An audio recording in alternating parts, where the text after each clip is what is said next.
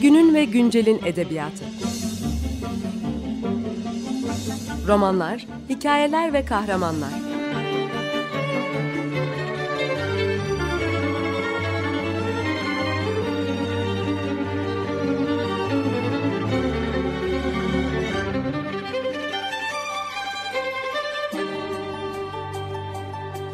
Hazırlayan ve sunan Seval Şahin.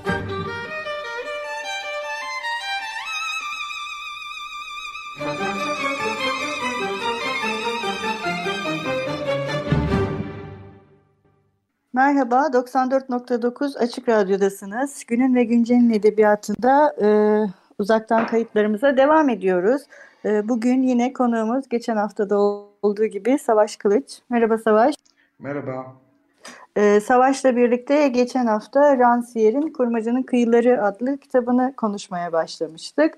Bu hafta da devam edeceğiz. E, kitap 2019 yılında Metis yayınları tarafından yayınlandı ve kitabı yayına hazırlayan da Savaş. Biz ilk bölümde e, Rancière'in e, genel olarak e, kendi estetiğinde, felsefesinde, düşüncesindeki e, temel meselelerden bahsedip bunun kurmacayla ilişkisini Kurmacanın Kıyıları kitabı özelinde e, konuşmaya başlamıştık ve en son geçen haftaki bölümümüzde de e, bilimsel bakışın, işte bilginin, e, bilgi ve edebiyatın geçişkenliğini üzerinde durup e, savaşın bilme ve bilmeme ya da bilme türleri üzerine konuşmaya devam edelim demesiyle bitirmiştik.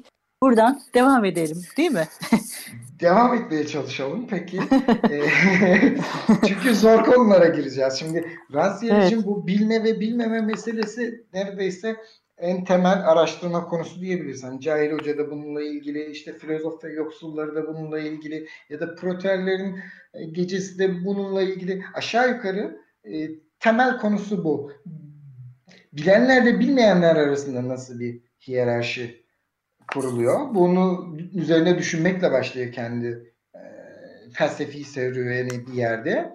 Ve hani bilenlerin kendilerine biçtikleri pay, geleceği tasarlarken biçtikleri pay, siyasi sistem içinde kendilerine biçtikleri pay ve bu, bu bunu yaparken de bilmeyenlere biçtikleri pay ya da paylar.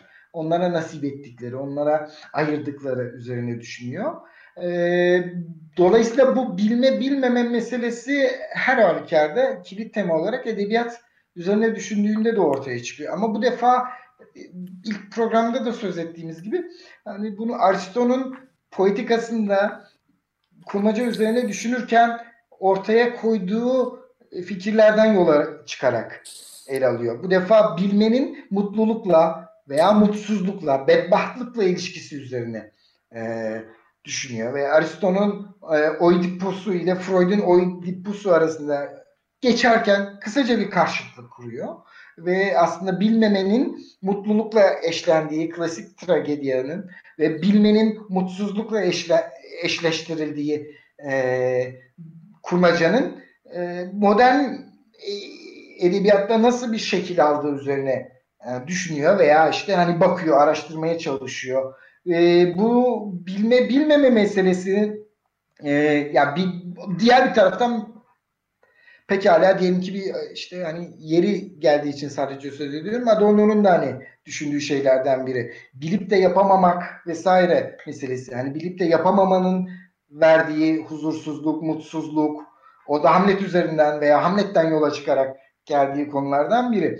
E, Rancière'in e, bunu ele alırken e, üstünde durduğu örneklerden bir Proust. Hani Proust'ta hem pencere bilmenin ve bilmemenin bir mekanı olarak ele alınıyor. Pencereden şahit olunanlar var.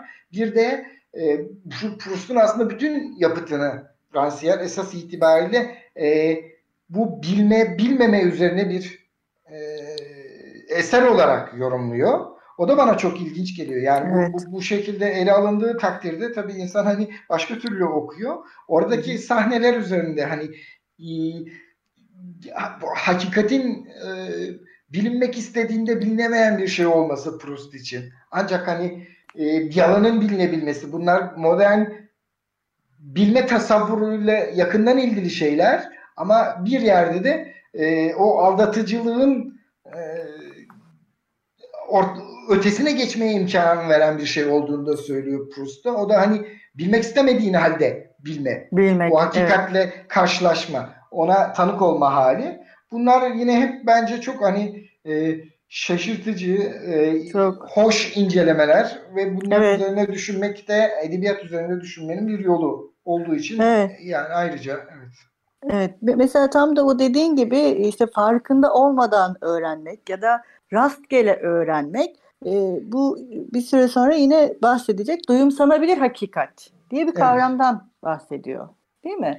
Duyumsanabilir hakikatin işte tam da o duyularla baştan beri o Aristo'yla işte Aristo'nun poetikasından yola çıkarak ona sürekli onunla konuşarak girdiği diyalog onu bu kavrama getiriyor en sonunda. Daha doğrusu getirdiği kavramlardan birisi bu. Duyumsanabilir hakikatin e, varlığı. Aslında bu bilme ile bilmeme arasındaki hiyerarşiyi de kaldıran bir şey ortadan. Evet yani bu kitap üzerinde değil du, du, duyum yani en geçen sefer sözünü ettiğim o işte duyu üzerine düşünme meselesiyle yakından ilgili bir şey.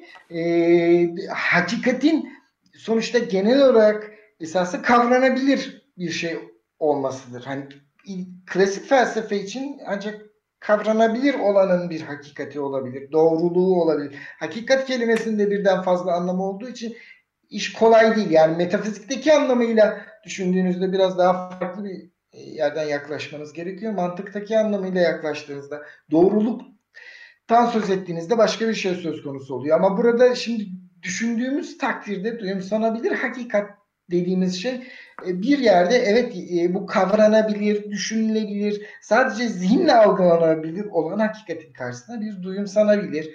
Dolayısıyla da daha ziyade duyularımızla algılayabildiğimiz, yani e, dokunabildiğimiz, tadabildiğimiz ve doğruluk barındıran bir şeyden söz ediyor. Bu esas itibariyle evet aynen söylediğin gibi yani o e, hiyerarşiyi yıkmanın ya da ona karşı çıkmanın, onun karşısına en azından bir şey çıkarmanın bir yolu gibi görünüyor. E, bu, bu, tabii edebiyat ve estetik genel olarak hani bütün bu sanatlar e, felsefenin karşısında tam da sanabilir olanı, e, duyularla algılanabilir olanı koyduğu ölçüde de bir başka hakikatin mecrası haline geliyor ve işte bizim filozofumuzun bütün bunları bu kadar ciddiye almasının, bu kadar üzerine düşünmesinin sebebi de bu. Evet doğru. Ee, yine bir ara verelim ee, Savaş. Tamam. Bugün ne çalalım? Ne istersin? Ee, bugün The Dow diye bir grup var ve ben onların e, Despair, Hangover and Ecstasy şarkısının güzel olacağını düşünüyorum. Merhaba, 94.9 Açık Radyo'dasınız. Ee, günün ve güncelin edebiyatında bugün Savaş Kılıç'la birlikteyiz ve e, bugün kendisiyle Rancière'in Kurmacanın Kıyıları adlı kitabını konuşuyoruz. Bu Savaş'la ikinci programımız. Konuşmaya geçen hafta başlamıştık ve en son bilme ve bilmeme ilişkisinde e, konuşmamızı bırakmıştık verdiğimiz aradan önce.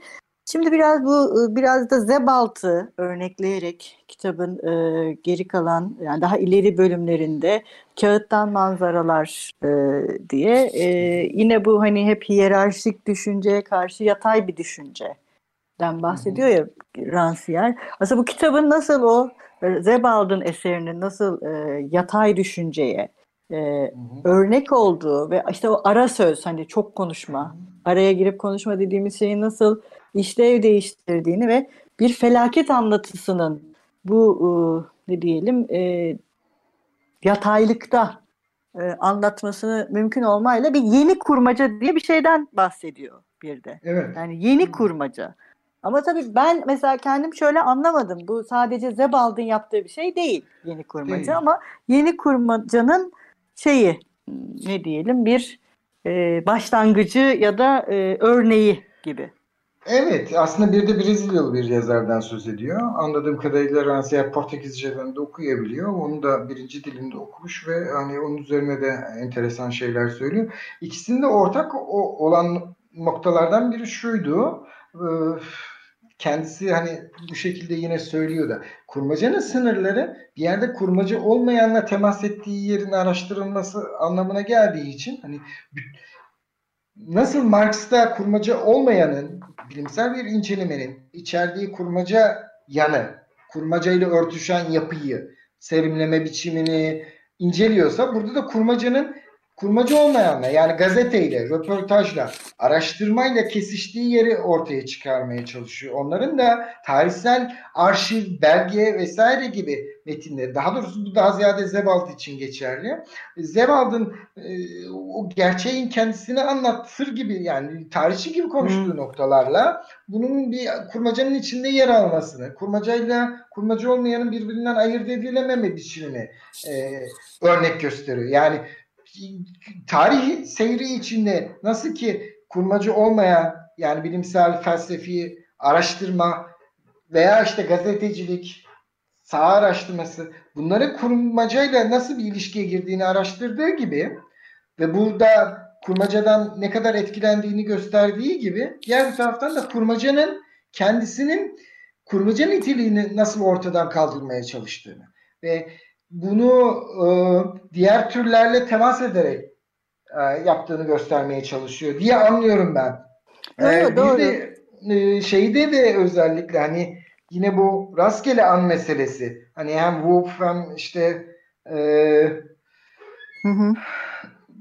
diğer yazarlarda bu gerçeklikle temas etmeyi sağlayan şeylerden biri bu. Yani bir anı herhangi bir anı, rastgele bir an, önemsiz sayılan, normalde kurmacanın geleneksel kurallarına göre anlatılmaya değer olmayan anı aslında bakılırsa anlatılmasıyla belki okurun sıkılacağı, kaybedileceği, Borges'in anladığı anlamda kurmacanın içinde yeri olmayan bir evet. anı. Hayatın sıradan bir anını. Bu Fransız filmlerinde bol bol görüp bol bol da sıkıldığımız anlardan birini Evet. Kurmacanın anlatmasıyla aslında kurmacanın gerçeklikle temasını artırdığını ve kendi e, sınırlarını zorladığını, kendi kıyılarını araştırdığını ve sınırlarını zorladığını, kurmacı olmayanla bir iletişime geçtiğini söylüyor. Bu bu, bu da önemli bir nokta. Normalde ben Bence de hani de. E, okurken daha ziyade e, hakikaten şaşırdığım oluyor. Flaubert de dahil buna. Yani ben aslında okuduğum zaman çok zevk alıyorum, çok beğeniyorum ama tabii ya ne var bunda Allah aşkına diyen insanlar da var. Haklı olarak. Evet. Yani bunlar hani edebiyattan anlayan, iyi edebiyattan anlayan, çok edebiyat okuyan insanlar ama mesela Flaubert onlara sıkıcı gelebiliyor. Belki Proust da geliyordur bilemiyorum. Ama demek istediğim hani bu sıradan anı, rastgele anı, hayatın içinden rastgele seçilmiş ve aslında kurmacada yeri olmaması gerektiği farz edilen bir anı anlatmanın neye yaradığını kendime sorduğum zaman çok öyle ciddi bir cevap veremiyordum. Ama şimdi Rancière'in e, metnini okuduktan sonra evet bu, bu, bunun işlevlerinden biri bu hakikaten. Yani kurmaca olmayana açıldığı nokta kurmacanın bir bakıma. Evet bir aslında bu gerçekçi edebiyatın görevi nedir ya da gerçekçi edebiyat nedir? Bunu da sorgulamanın başka bir yolu olarak ortaya çıkıyor. Bütün evet, evet, bize evet. E, önerileri. Şimdi biraz şeyden de devam edelim. Senin en son söylediğinden yola çıkıp bu rastgele anlar, işte bu kırılma anları, karşılaşma anları, e, duyumsanabilir ortaklıkta yaşanan bu anlar Rancière'e göre aslında bir taraftan da e, zorla dahil edilen bir dil. Yani o dilin içine sığmayan başka bir dilin dahil edilmesi. Hani hatta neredeyse buna şey diyor. Yine Proust'tan yola çıkıp işte dilin içindeki yabancı dil. İşte sesler, ve diller arasındaki yerleşik imkanın ihlal edilmesi, işte konuşmanın imkansız hale geldiği durumlar. Mesela bu tür e, yani kurmacanın tam da e, dilin içindeki yabancı dili aranan yerlere odaklanması da aslında yine bu duyumsanabilirle, e, duyumsanabilirin anlatıdaki yani bir teknik olarak e, bulunabileceği yerlere gönderme yapıyor sanırım. Değil mi? Bizi biraz tekniğe de yönlendiriyor. Sadece hani söyleme değil, hani anlatım tekniği ve o kurgudaki e, boşlukların aslında ya da sessizliklerin ya da o hani senin de dediğin gibi sıkıcı olanın e, ne diyelim açtığı imkana yöneltiyor bir taraftan. Ya, soruyu anladığımdan emin değilim. Hani e, sorunun yani kendisinde sor, bir şey olduğundan soru... değil. Sonuçta şu anda da iki yabancı dil karşılaşıyor. Senin dilinle benim dilim karşılaşıyor. Sen yaban dilin içindeki yabancı dil deyince benim aklıma do, doğrudan Dölöz geliyor. Onun üslubu tanımlama biçimi geliyor vesaire. Ama bu yani şimdi Rancière bağlamında tam olarak neyle ilişkilendirdiğini yakalamakta zorlanıyorum. Aslında rastgele anla, rastgele Hı. anla ilişkilendirmekti biraz amacım. Hani çünkü Hı. rastgele an e, ya da o karşılaşma ya da kırılma anı denilen şey tam da bu işte Balzac gibi gerçekçi romanların temsil edilebilir ya da geleneksel zaman anlayışından çok farklı bir yere bizi e, dikkatimizi evet, çekiyor. Doğru haklısın tabii ki. Ve evet. buraya çektiği andan itibaren de aslında şey ortaya çıkıyor. Bu rastgele olan şey Mesela işte Proust'ta da var ya birden bir şaşırıyor karakter. Ya da ne düşüneceğini bilemiyor. Çünkü o zamana kadar kafasında temsil edilmiş bir şey var. Bunun dışında bir şey. Ee, ve bu dışındalık aslında e, tam da o dediğin gibi Deleuze'ün kavramını kullanıyor aslında. Yani dilin içindeki yabancı dil. Hani o rastgele an aslında o dil, yeni bir dille bir kırılma da yaratıyor. Ve o anlamda bir hiyerarşinin de bozulmasından. Hani bunun da bir yataylık yaratan bir kurgu olmasından. Ya ben öyle anladım en azından. E, e, elbette bu, bu, evet. bu da mı? Evet. Yani senin sorudan çok senin söylediğin şeye e, bu bağlamda da bir e, paralellik kuruyor mu Aha, diye evet. aslında bir şey ben e, bahsetmek istemiştim ben. Bir de en son şeyden bahsedelim istiyorum Savaş. Hı. Yine bu sen yine birinci bölümde de söyledin programı. Burada da biraz bahsettik. Nedir kurmacanın e, demokratikleşmesi? Bu kitabın böyle bir iddiası var kurmacanın demokratikleşmesi nasıl mümkündür gibi bir e, iddia da var aslında. E, yani evet hani e, işte bir birkaç sebeple böyle bir şeyden söz ediyor. Birincisi sonuçtan kimi kimi konu ediyor bu kurmaca? Yani klasik kurmacaya bakarsak hani Aristo'nun da sözünü ettiği veya işte hani yüzyıllar boyunca var olan kurmacaya bakarsak işte tragedyanın özneleri bellidir. Hani sıradan insanlar tragedyanın öznesi olamazlar. Bunlar krallardır, asilzadelerdir, prenslerdir vesaire.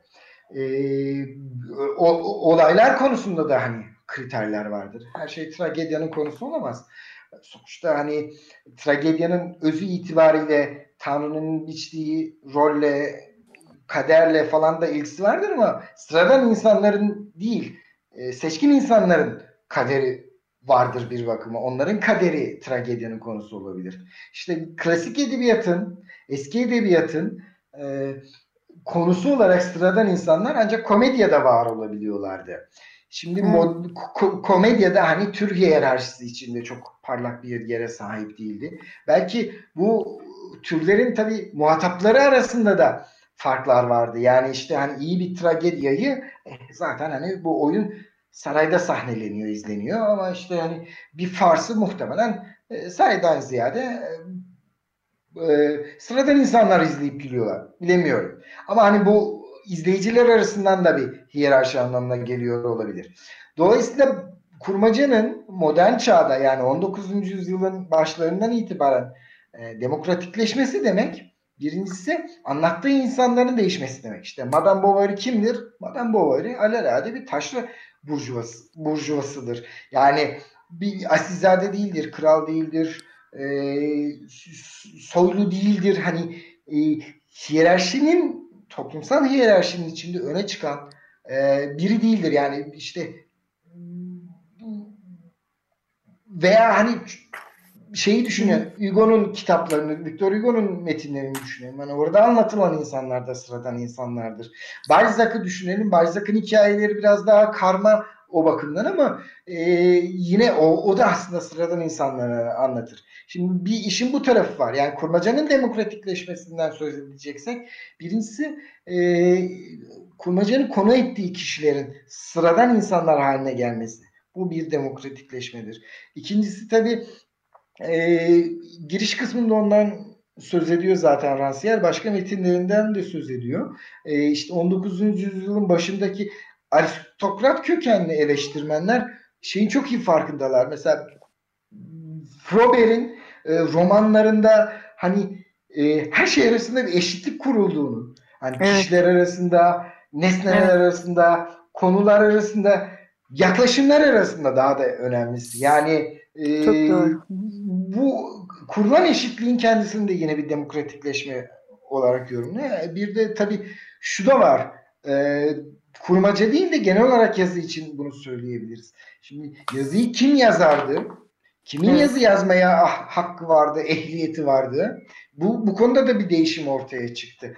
Bunun ortaya çıkmasının e, bunu mümkün kılan şeylerden biri de şuydu sonuçta Flaubert gibi insanlar yazının tek ölçünü tünü yazının içine yerleştirdiler. Sen o yazıyla ne kadar uğraşırsan, onunla yoğrulabilir bir nesne olarak ne kadar uğraşırsan ve e, güzelliğini onun içinde ararsan o zaman bunu bu işle uğraşabilen herkes edebiyatçı olabiliyor. Ama daha öncesini düşünürsek edebiyatçı olmanın da kıstasları vardı. Hani ona uygun bir eğitim almış mıydınız? Yunanca, Latince biliyor muydunuz? Evet. Ee, klasik retoriği biliyor muydunuz? Nerede nasıl alıntı yapılır? Onu nasıl sunarsınız?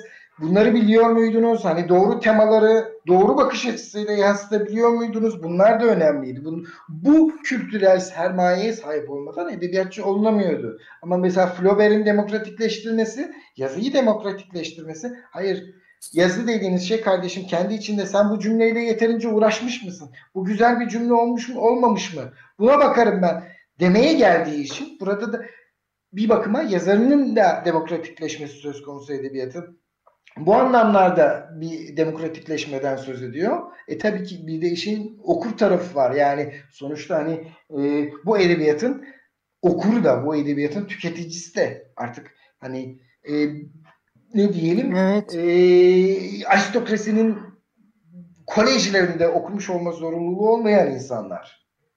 Evet. Doğru ve tam da şey diyor ya bu şimdi kitap elimde şeye bakıyorum işte şey diyor bu 169. sayfada işte başlamamış olanın ortasına her defasında yeniden atlama gerçekliğin taşıdığı benzerlik ve nirengi noktalarıyla birlikte tümden gittiği yerlere adım atmak üzere kıyıyı sınırı yeniden baştan yeni baştan aşma kabiliyeti.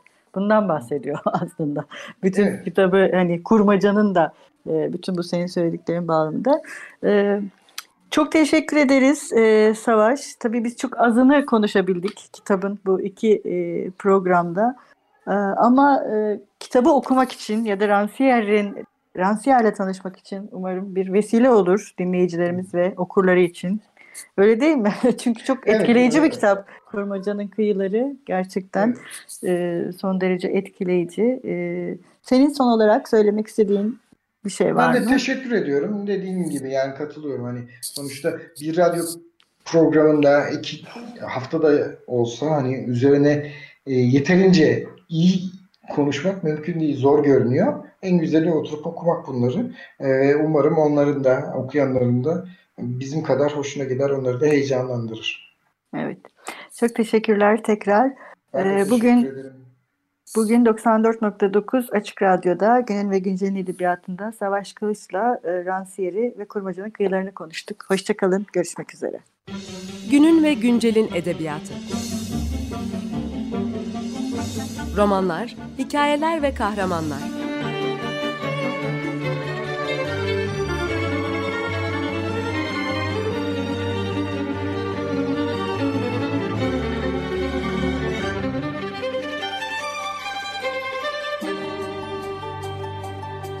Hazırlayan ve sunan Seval Şahin.